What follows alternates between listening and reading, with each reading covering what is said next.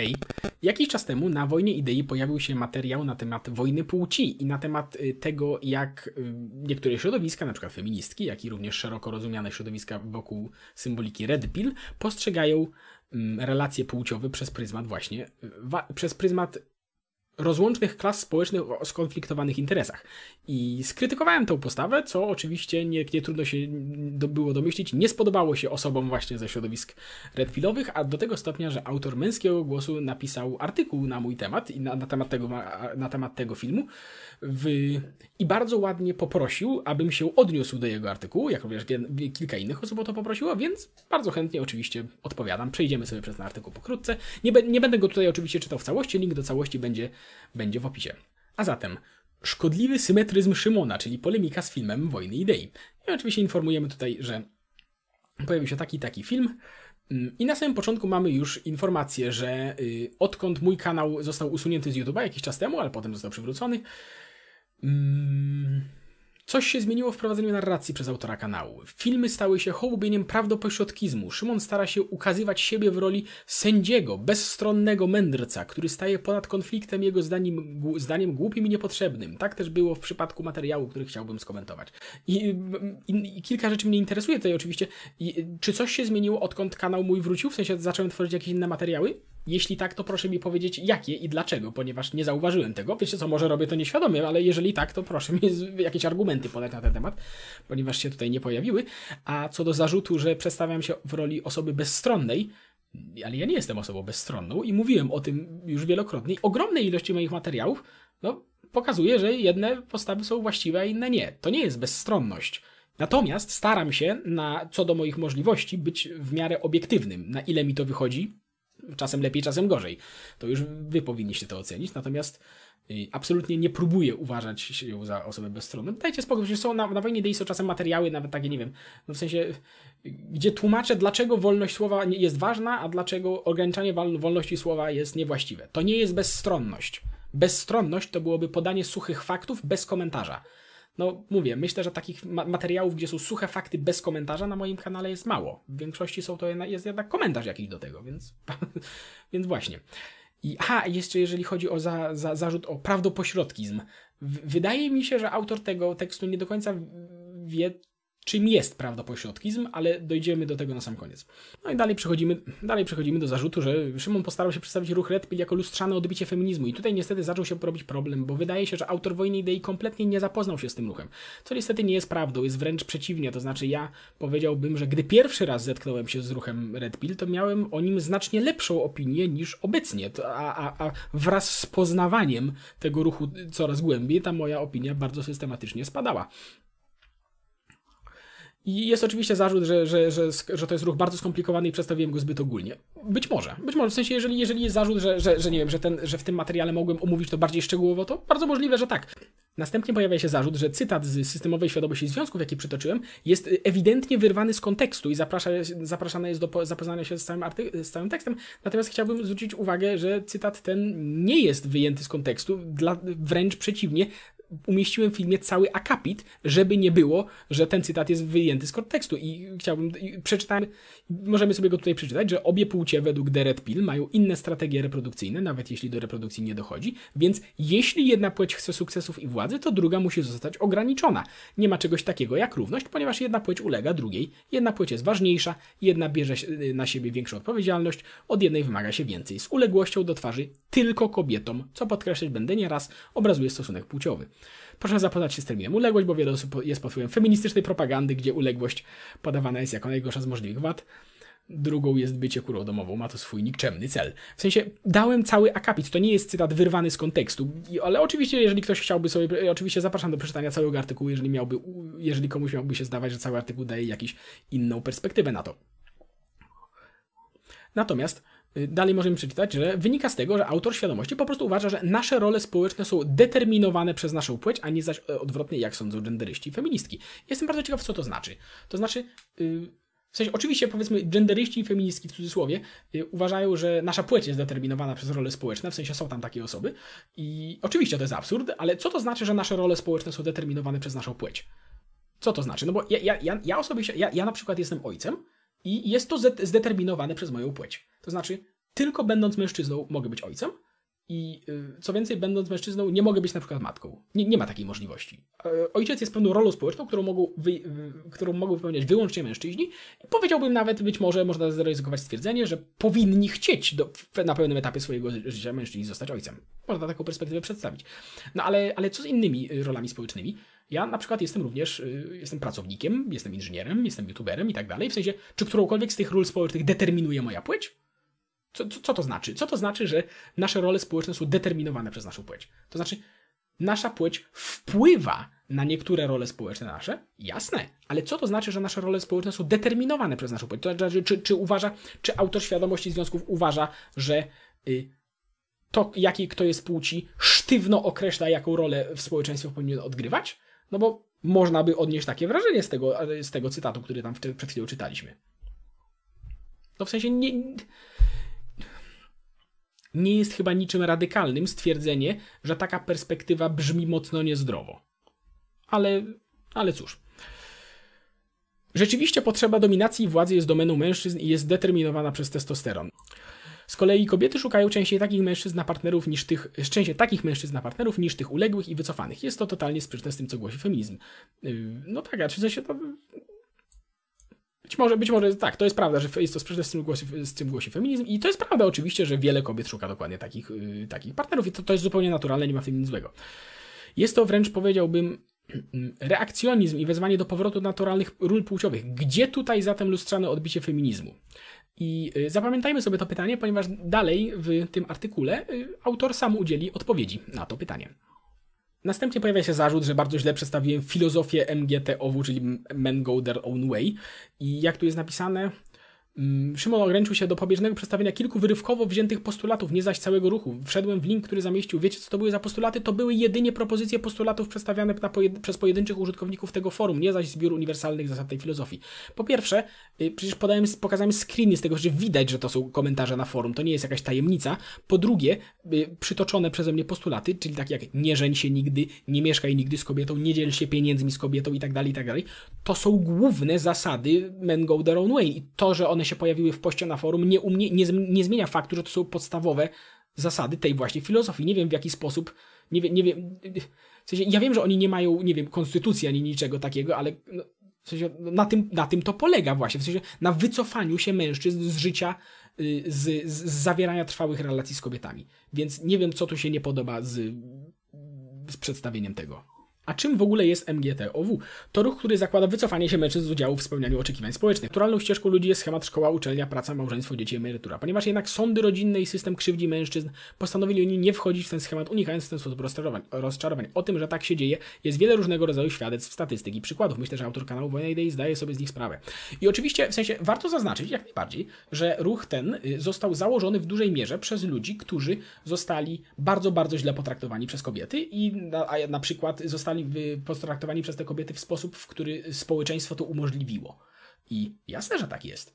I jeżeli te osoby chcą zwracać uwagę na problemy, które dotykają głównie mężczyzn, nie mam z tym żadnego problemu i na filmie zostało to wyraźnie podkreślone, że w tych ruchach są osoby, które w obu tych ruchach są osoby, które zwracają, potrafią zwracać uwagę na faktyczne problemy. I ale, ale ponownie, a, a ale y, tak jak mówię, ruch ten został założony i zorganizowany niejako przez takich ludzi, ale jak się popatrzy w tym momencie na ludzi, którzy głównie y, przynależą do tego ruchu na forach i tak dalej, i tak dalej, to nie są skrzywdzeni. W sensie, ja, ja wiem, że są tam również powiedzmy 40-letni faceci, którzy zostali faktycznie skrzywdzeni przez, przez, y, przez jakąś kobietę, naprawdę, ale jest tam też masa ludzi bardzo, bardzo, bardzo młodych, dla których ta perspektywa, które nigdy nie doznali żadnej tego typu krzywdy, natomiast ta perspektywa przedstawiana przez nich, żeby. Yy, odciąć się od, od, od spełniania, że tak się wyrażę, tych ról społecznych i od angażowania się w normalne, trwałe relacje z kobietą, wydaje się po prostu atrakcyjna.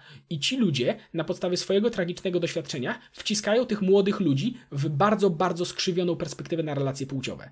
Czy to nie brzmi znajomo? Co? Bo ludzie, przed sekundą ktoś się pytał, w jaki sposób jest powiązanie tego z feminizmem. Naprawdę, w sensie, wiecie, że mężczyźni też potrafią skrzywdzić kobiety, prawda? I to, nie muszę chyba tłumaczyć te, tego. I też są kobiety, którym, które zostały naprawdę głęboko skrzywdzone przez mężczyzn i na, ta, na tej zasadzie y, zaczynają ich postrzegać ogół jako, jako wrogów, tak? I wciągają potem również i przedstawiają perspektywę, który, którą młody, która młodym ludziom może się wydawać niezwykle atrakcyjna, ponieważ pozwala im nie brać odpowiedzialności za własne życie, w, w dużym skrócie. I to jest element wspólny zarówno feminizmu, jak i tego, co właśnie tutaj omawiałem. I tu przechodzimy do meritum, czyli y, teza na podstawie tego wybiórczego researchu miała być taka, że zarówno feministki, jak i red pilowcy stosują rodzaj kolektywnego myślenia podobnego do tego, jaki występuje w przypadku ruchów marksistowskich.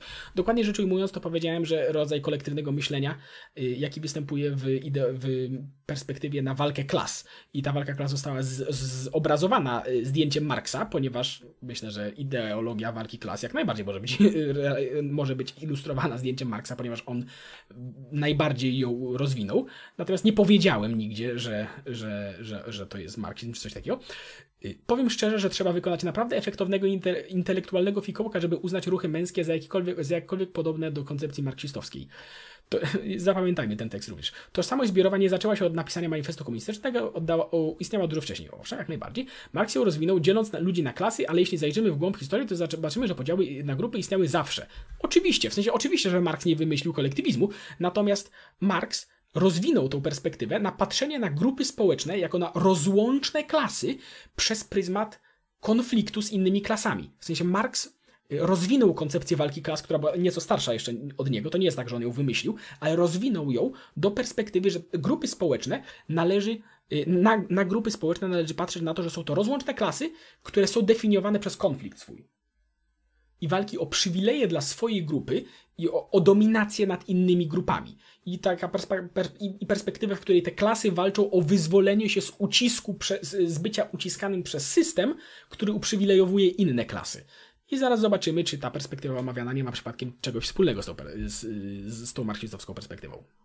I dalej czytamy, że Red Pill i MGTOW są tylko odpowiedzią na zastaną niesprawiedliwość. Być może niepotrzebnie czasem generalizujące, być może często stawiające siebie w roli wiecznych ofiar, być może, ale jednak nigdy by do tego nie doszło, gdyby nie feminizm i pojmowanie świata na podstawie doświadczeń i emocji wyłącznie jednej płci. Y, to jest akurat, wydaje mi się, że istotna, y, istotny komentarz, ponieważ y, tak, w sensie ja się zgadzam, że Red Pill i MGTOW są, są ruchami reakcyjnymi w dużej, w dużej mierze i że feminizm bardzo silnie się dokłada do powstawania i do rozwoju tych ruchów. To jest słuszna perspektywa, jak najbardziej. Mm. Ale jednocześnie, w sensie, no, tak jak z wieloma reakcjami bywa, y, reakcja ta y, wytwarza po prostu drugie patologiczne ekstremum, a nie, a nie zdrową odpowiedź na problemy. W ciągu 30 lat najnowszej historii Polski wprowadzono tylko dwa przepisy na korzyść mężczyzn. Dwa tygodnie urlopu rodzicielskiego i możliwość opieki na, na przemiennej. Dwa przepisy na kilkaset przepisów, które dostały kobiety. Abstrahuję już od narracji antymęskiej w mainstreamowych mediach, o powszechnej pogardzie dla mężczyzn, o walce z toksyczną męskością, o postępującym odbieraniu podmiotowości mężczyzn w życiu społecznym itd., tak itd. Tak I tu jest bardzo ciekawy moment, ponieważ zwróćcie uwagę, że tutaj objawia się dokładnie to, o czym mówiłem wcześniej. To znaczy, jest patrzenie na kobiety i mężczyzn jako na rozłączne klasy społeczne. Mamy y, tylko dwa przepisy na korzyść mężczyzn i kilkaset przepisów, które dostały kobiety. I jest to traktowane jako, te, jako powiedzmy na przykład dwa tygodnie urlopu rodzicielskiego dla mężczyzny jest przywilejem na korzyść mężczyzn, a nie na korzyść kobiet. Że jest to, że, że jesteśmy rozłącznymi klasami społecznymi. Ale przepraszam bardzo. Czy dwa tygodnie urlopu dodatkowego dla ojca w jakiś sposób pomaga matce? Nie sądzicie, że matka korzysta z faktu, y, że ojciec ma dodatkowe dwa urlopu po, po urodzeniu dziecka? W sensie to jest oczywiste. Przecież to nie jest przepis uprzywilejowujący mężczyzn. To jest przepis uprzywilejowujący rodziny. Tak samo, y, dokładnie tak samo jest w kwestii kilkaset przepisów, które dostały kobiety. Jakie na przykład? Na przykład takie przepisy jak to, że, bo to chyba kilka lat temu weszło, że gdy kobieta nie jest zatrudniona, a urodzi dziecko, to i tak dostaje coś na kształt mm, y, zasiłku macierzyńskiego. To znaczy jest, dostaje 1000 zł przez rok nawet jeżeli nie jest zatrudniona. I czy to jest uprzywilejowanie kobiet? No, a, a co jeżeli ta kobieta jest żoną czyjąś, prawda? I do budżetu rodzinnego wpływa dodatkowe 1000 zł co miesiąc z tego. W sensie, to nie jest uprzywilejowanie kobiet, to jest uprzywilejowanie rodzin kosztem podatnika. Ponieważ to jest robione czyimś kosztem, ale to nie jest kobiet kosztem mężczyzn, tylko to jest kobiet, yy, przepraszam, rodzin kosztem podatnika. I oczywiście można powiedzieć, że ale część z tych, część z tych y, rodzin to są samotne matki. Okej, okay, ale jeśli ta samotna matka na przykład wychowuje syna, to ten syn nie jest beneficjentem tego, tego przepisu? A ponownie można powiedzieć, że yy, jest to robione dla rodzin kosztem podatnika, a większość podatków płacą mężczyźni, co jest prawdą, ponieważ mężczyźni zarabiają średnio więcej, ponieważ więcej pracują, między innymi, i, yy, i, że, to, i, i, że to jest ich kosztem. Ale, ale zastanówcie się ponownie, jeżeli ktoś tworzy rodzinę i w niej mąż zarabia więcej, ponieważ pracuje więcej na przykład i tak dalej, i on musi oddać więcej podatku, żeby uprzywilejować te rodziny, to, to, to żona tego męża nie jest stratna na tym, że on oddaje więcej podatku? W sensie tego typu przepisy, w sensie tak, tak jak było wyjaśniane w filmie, nie da się patrzeć na kobiety i mężczyzn jako na rozłączne klasy społeczne, a tutaj żalenie się, że żalenie się, że zostały wprowadzone tylko dwa przepisy dla mężczyzn, a kilkaset przepisów dla kobiet. Ale, ale, ale to jest tak, tak jak wyjaśniałem w filmie. Takie patrzenie mogą przejawiać spójnie, mogą przejawiać wyłącznie osoby, które nie, nie zamierzają angażować się nigdy w stały sformalizowany związek. Jeśli mężczyzna zakłada rodzinę, to korzysta z przywilejów, które kobieta dostaje jako matka. Jeśli kobieta zakłada rodzinę, to korzysta z przywilejów, jakie ojciec dostaje jako ojciec.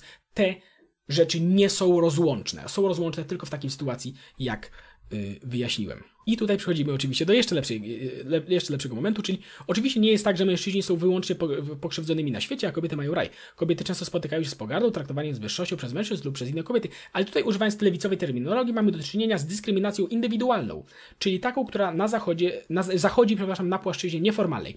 W przypadku mężczyzn mamy problem z dyskryminacją systemową, tudzież strukturalną. Dyskryminacja ta jest głęboko osadzona w systemie prawnym i instytucjonalnym, dlatego zatem poczucie krzywdy jest uzasadnione. I tu macie odpowiedź na pytanie z wcześniejszej części filmu, co ten ruch ma wspólnego z feminizmem. Feminizm postuluje dokładnie to samo, tylko w perspektywie kobiecej. To znaczy, feminizm uważa, że w przypadku kobiet mamy y, y, problem z dyskryminacją systemową, tudzież strukturalną. Dyskryminacja ta jest głęboko osadzona w systemie prawnym i instytucjonalnym, dlatego zatem poczucie krzywdy jest uzasadnione. I to właśnie miałem na myśli, mówiąc, że ruch ten jest lustrzanym odbiciem feminizmu.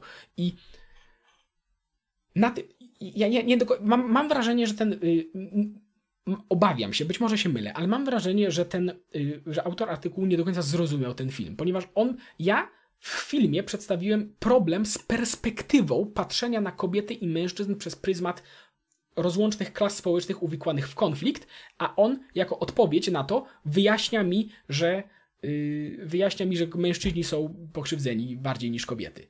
W sensie on zakłada dokładnie tą perspektywę, którą ja krytykowałem w filmie, i, i wewnątrz tej perspektywy udowadnia mi, że, je, że jest taka, nie inaczej. To znaczy, ja mam problem z główną perspektywą i, i wyjaśniłem, że na tym polega podobieństwo feminizmu i yy, Red. I tak jak mówiłem wcześniej, ja nie twierdzę, że mężczyźni nie mają problemów w społeczeństwie. Ja nie twierdzę, że kobiety nie mają problemów w społeczeństwie. I jeżeli takie środowiska jak Red Pill chcą zwracać uwagę na problemy mężczyzn w społeczeństwie, to nie ma żadnego, nie mam żadnego ale do tego.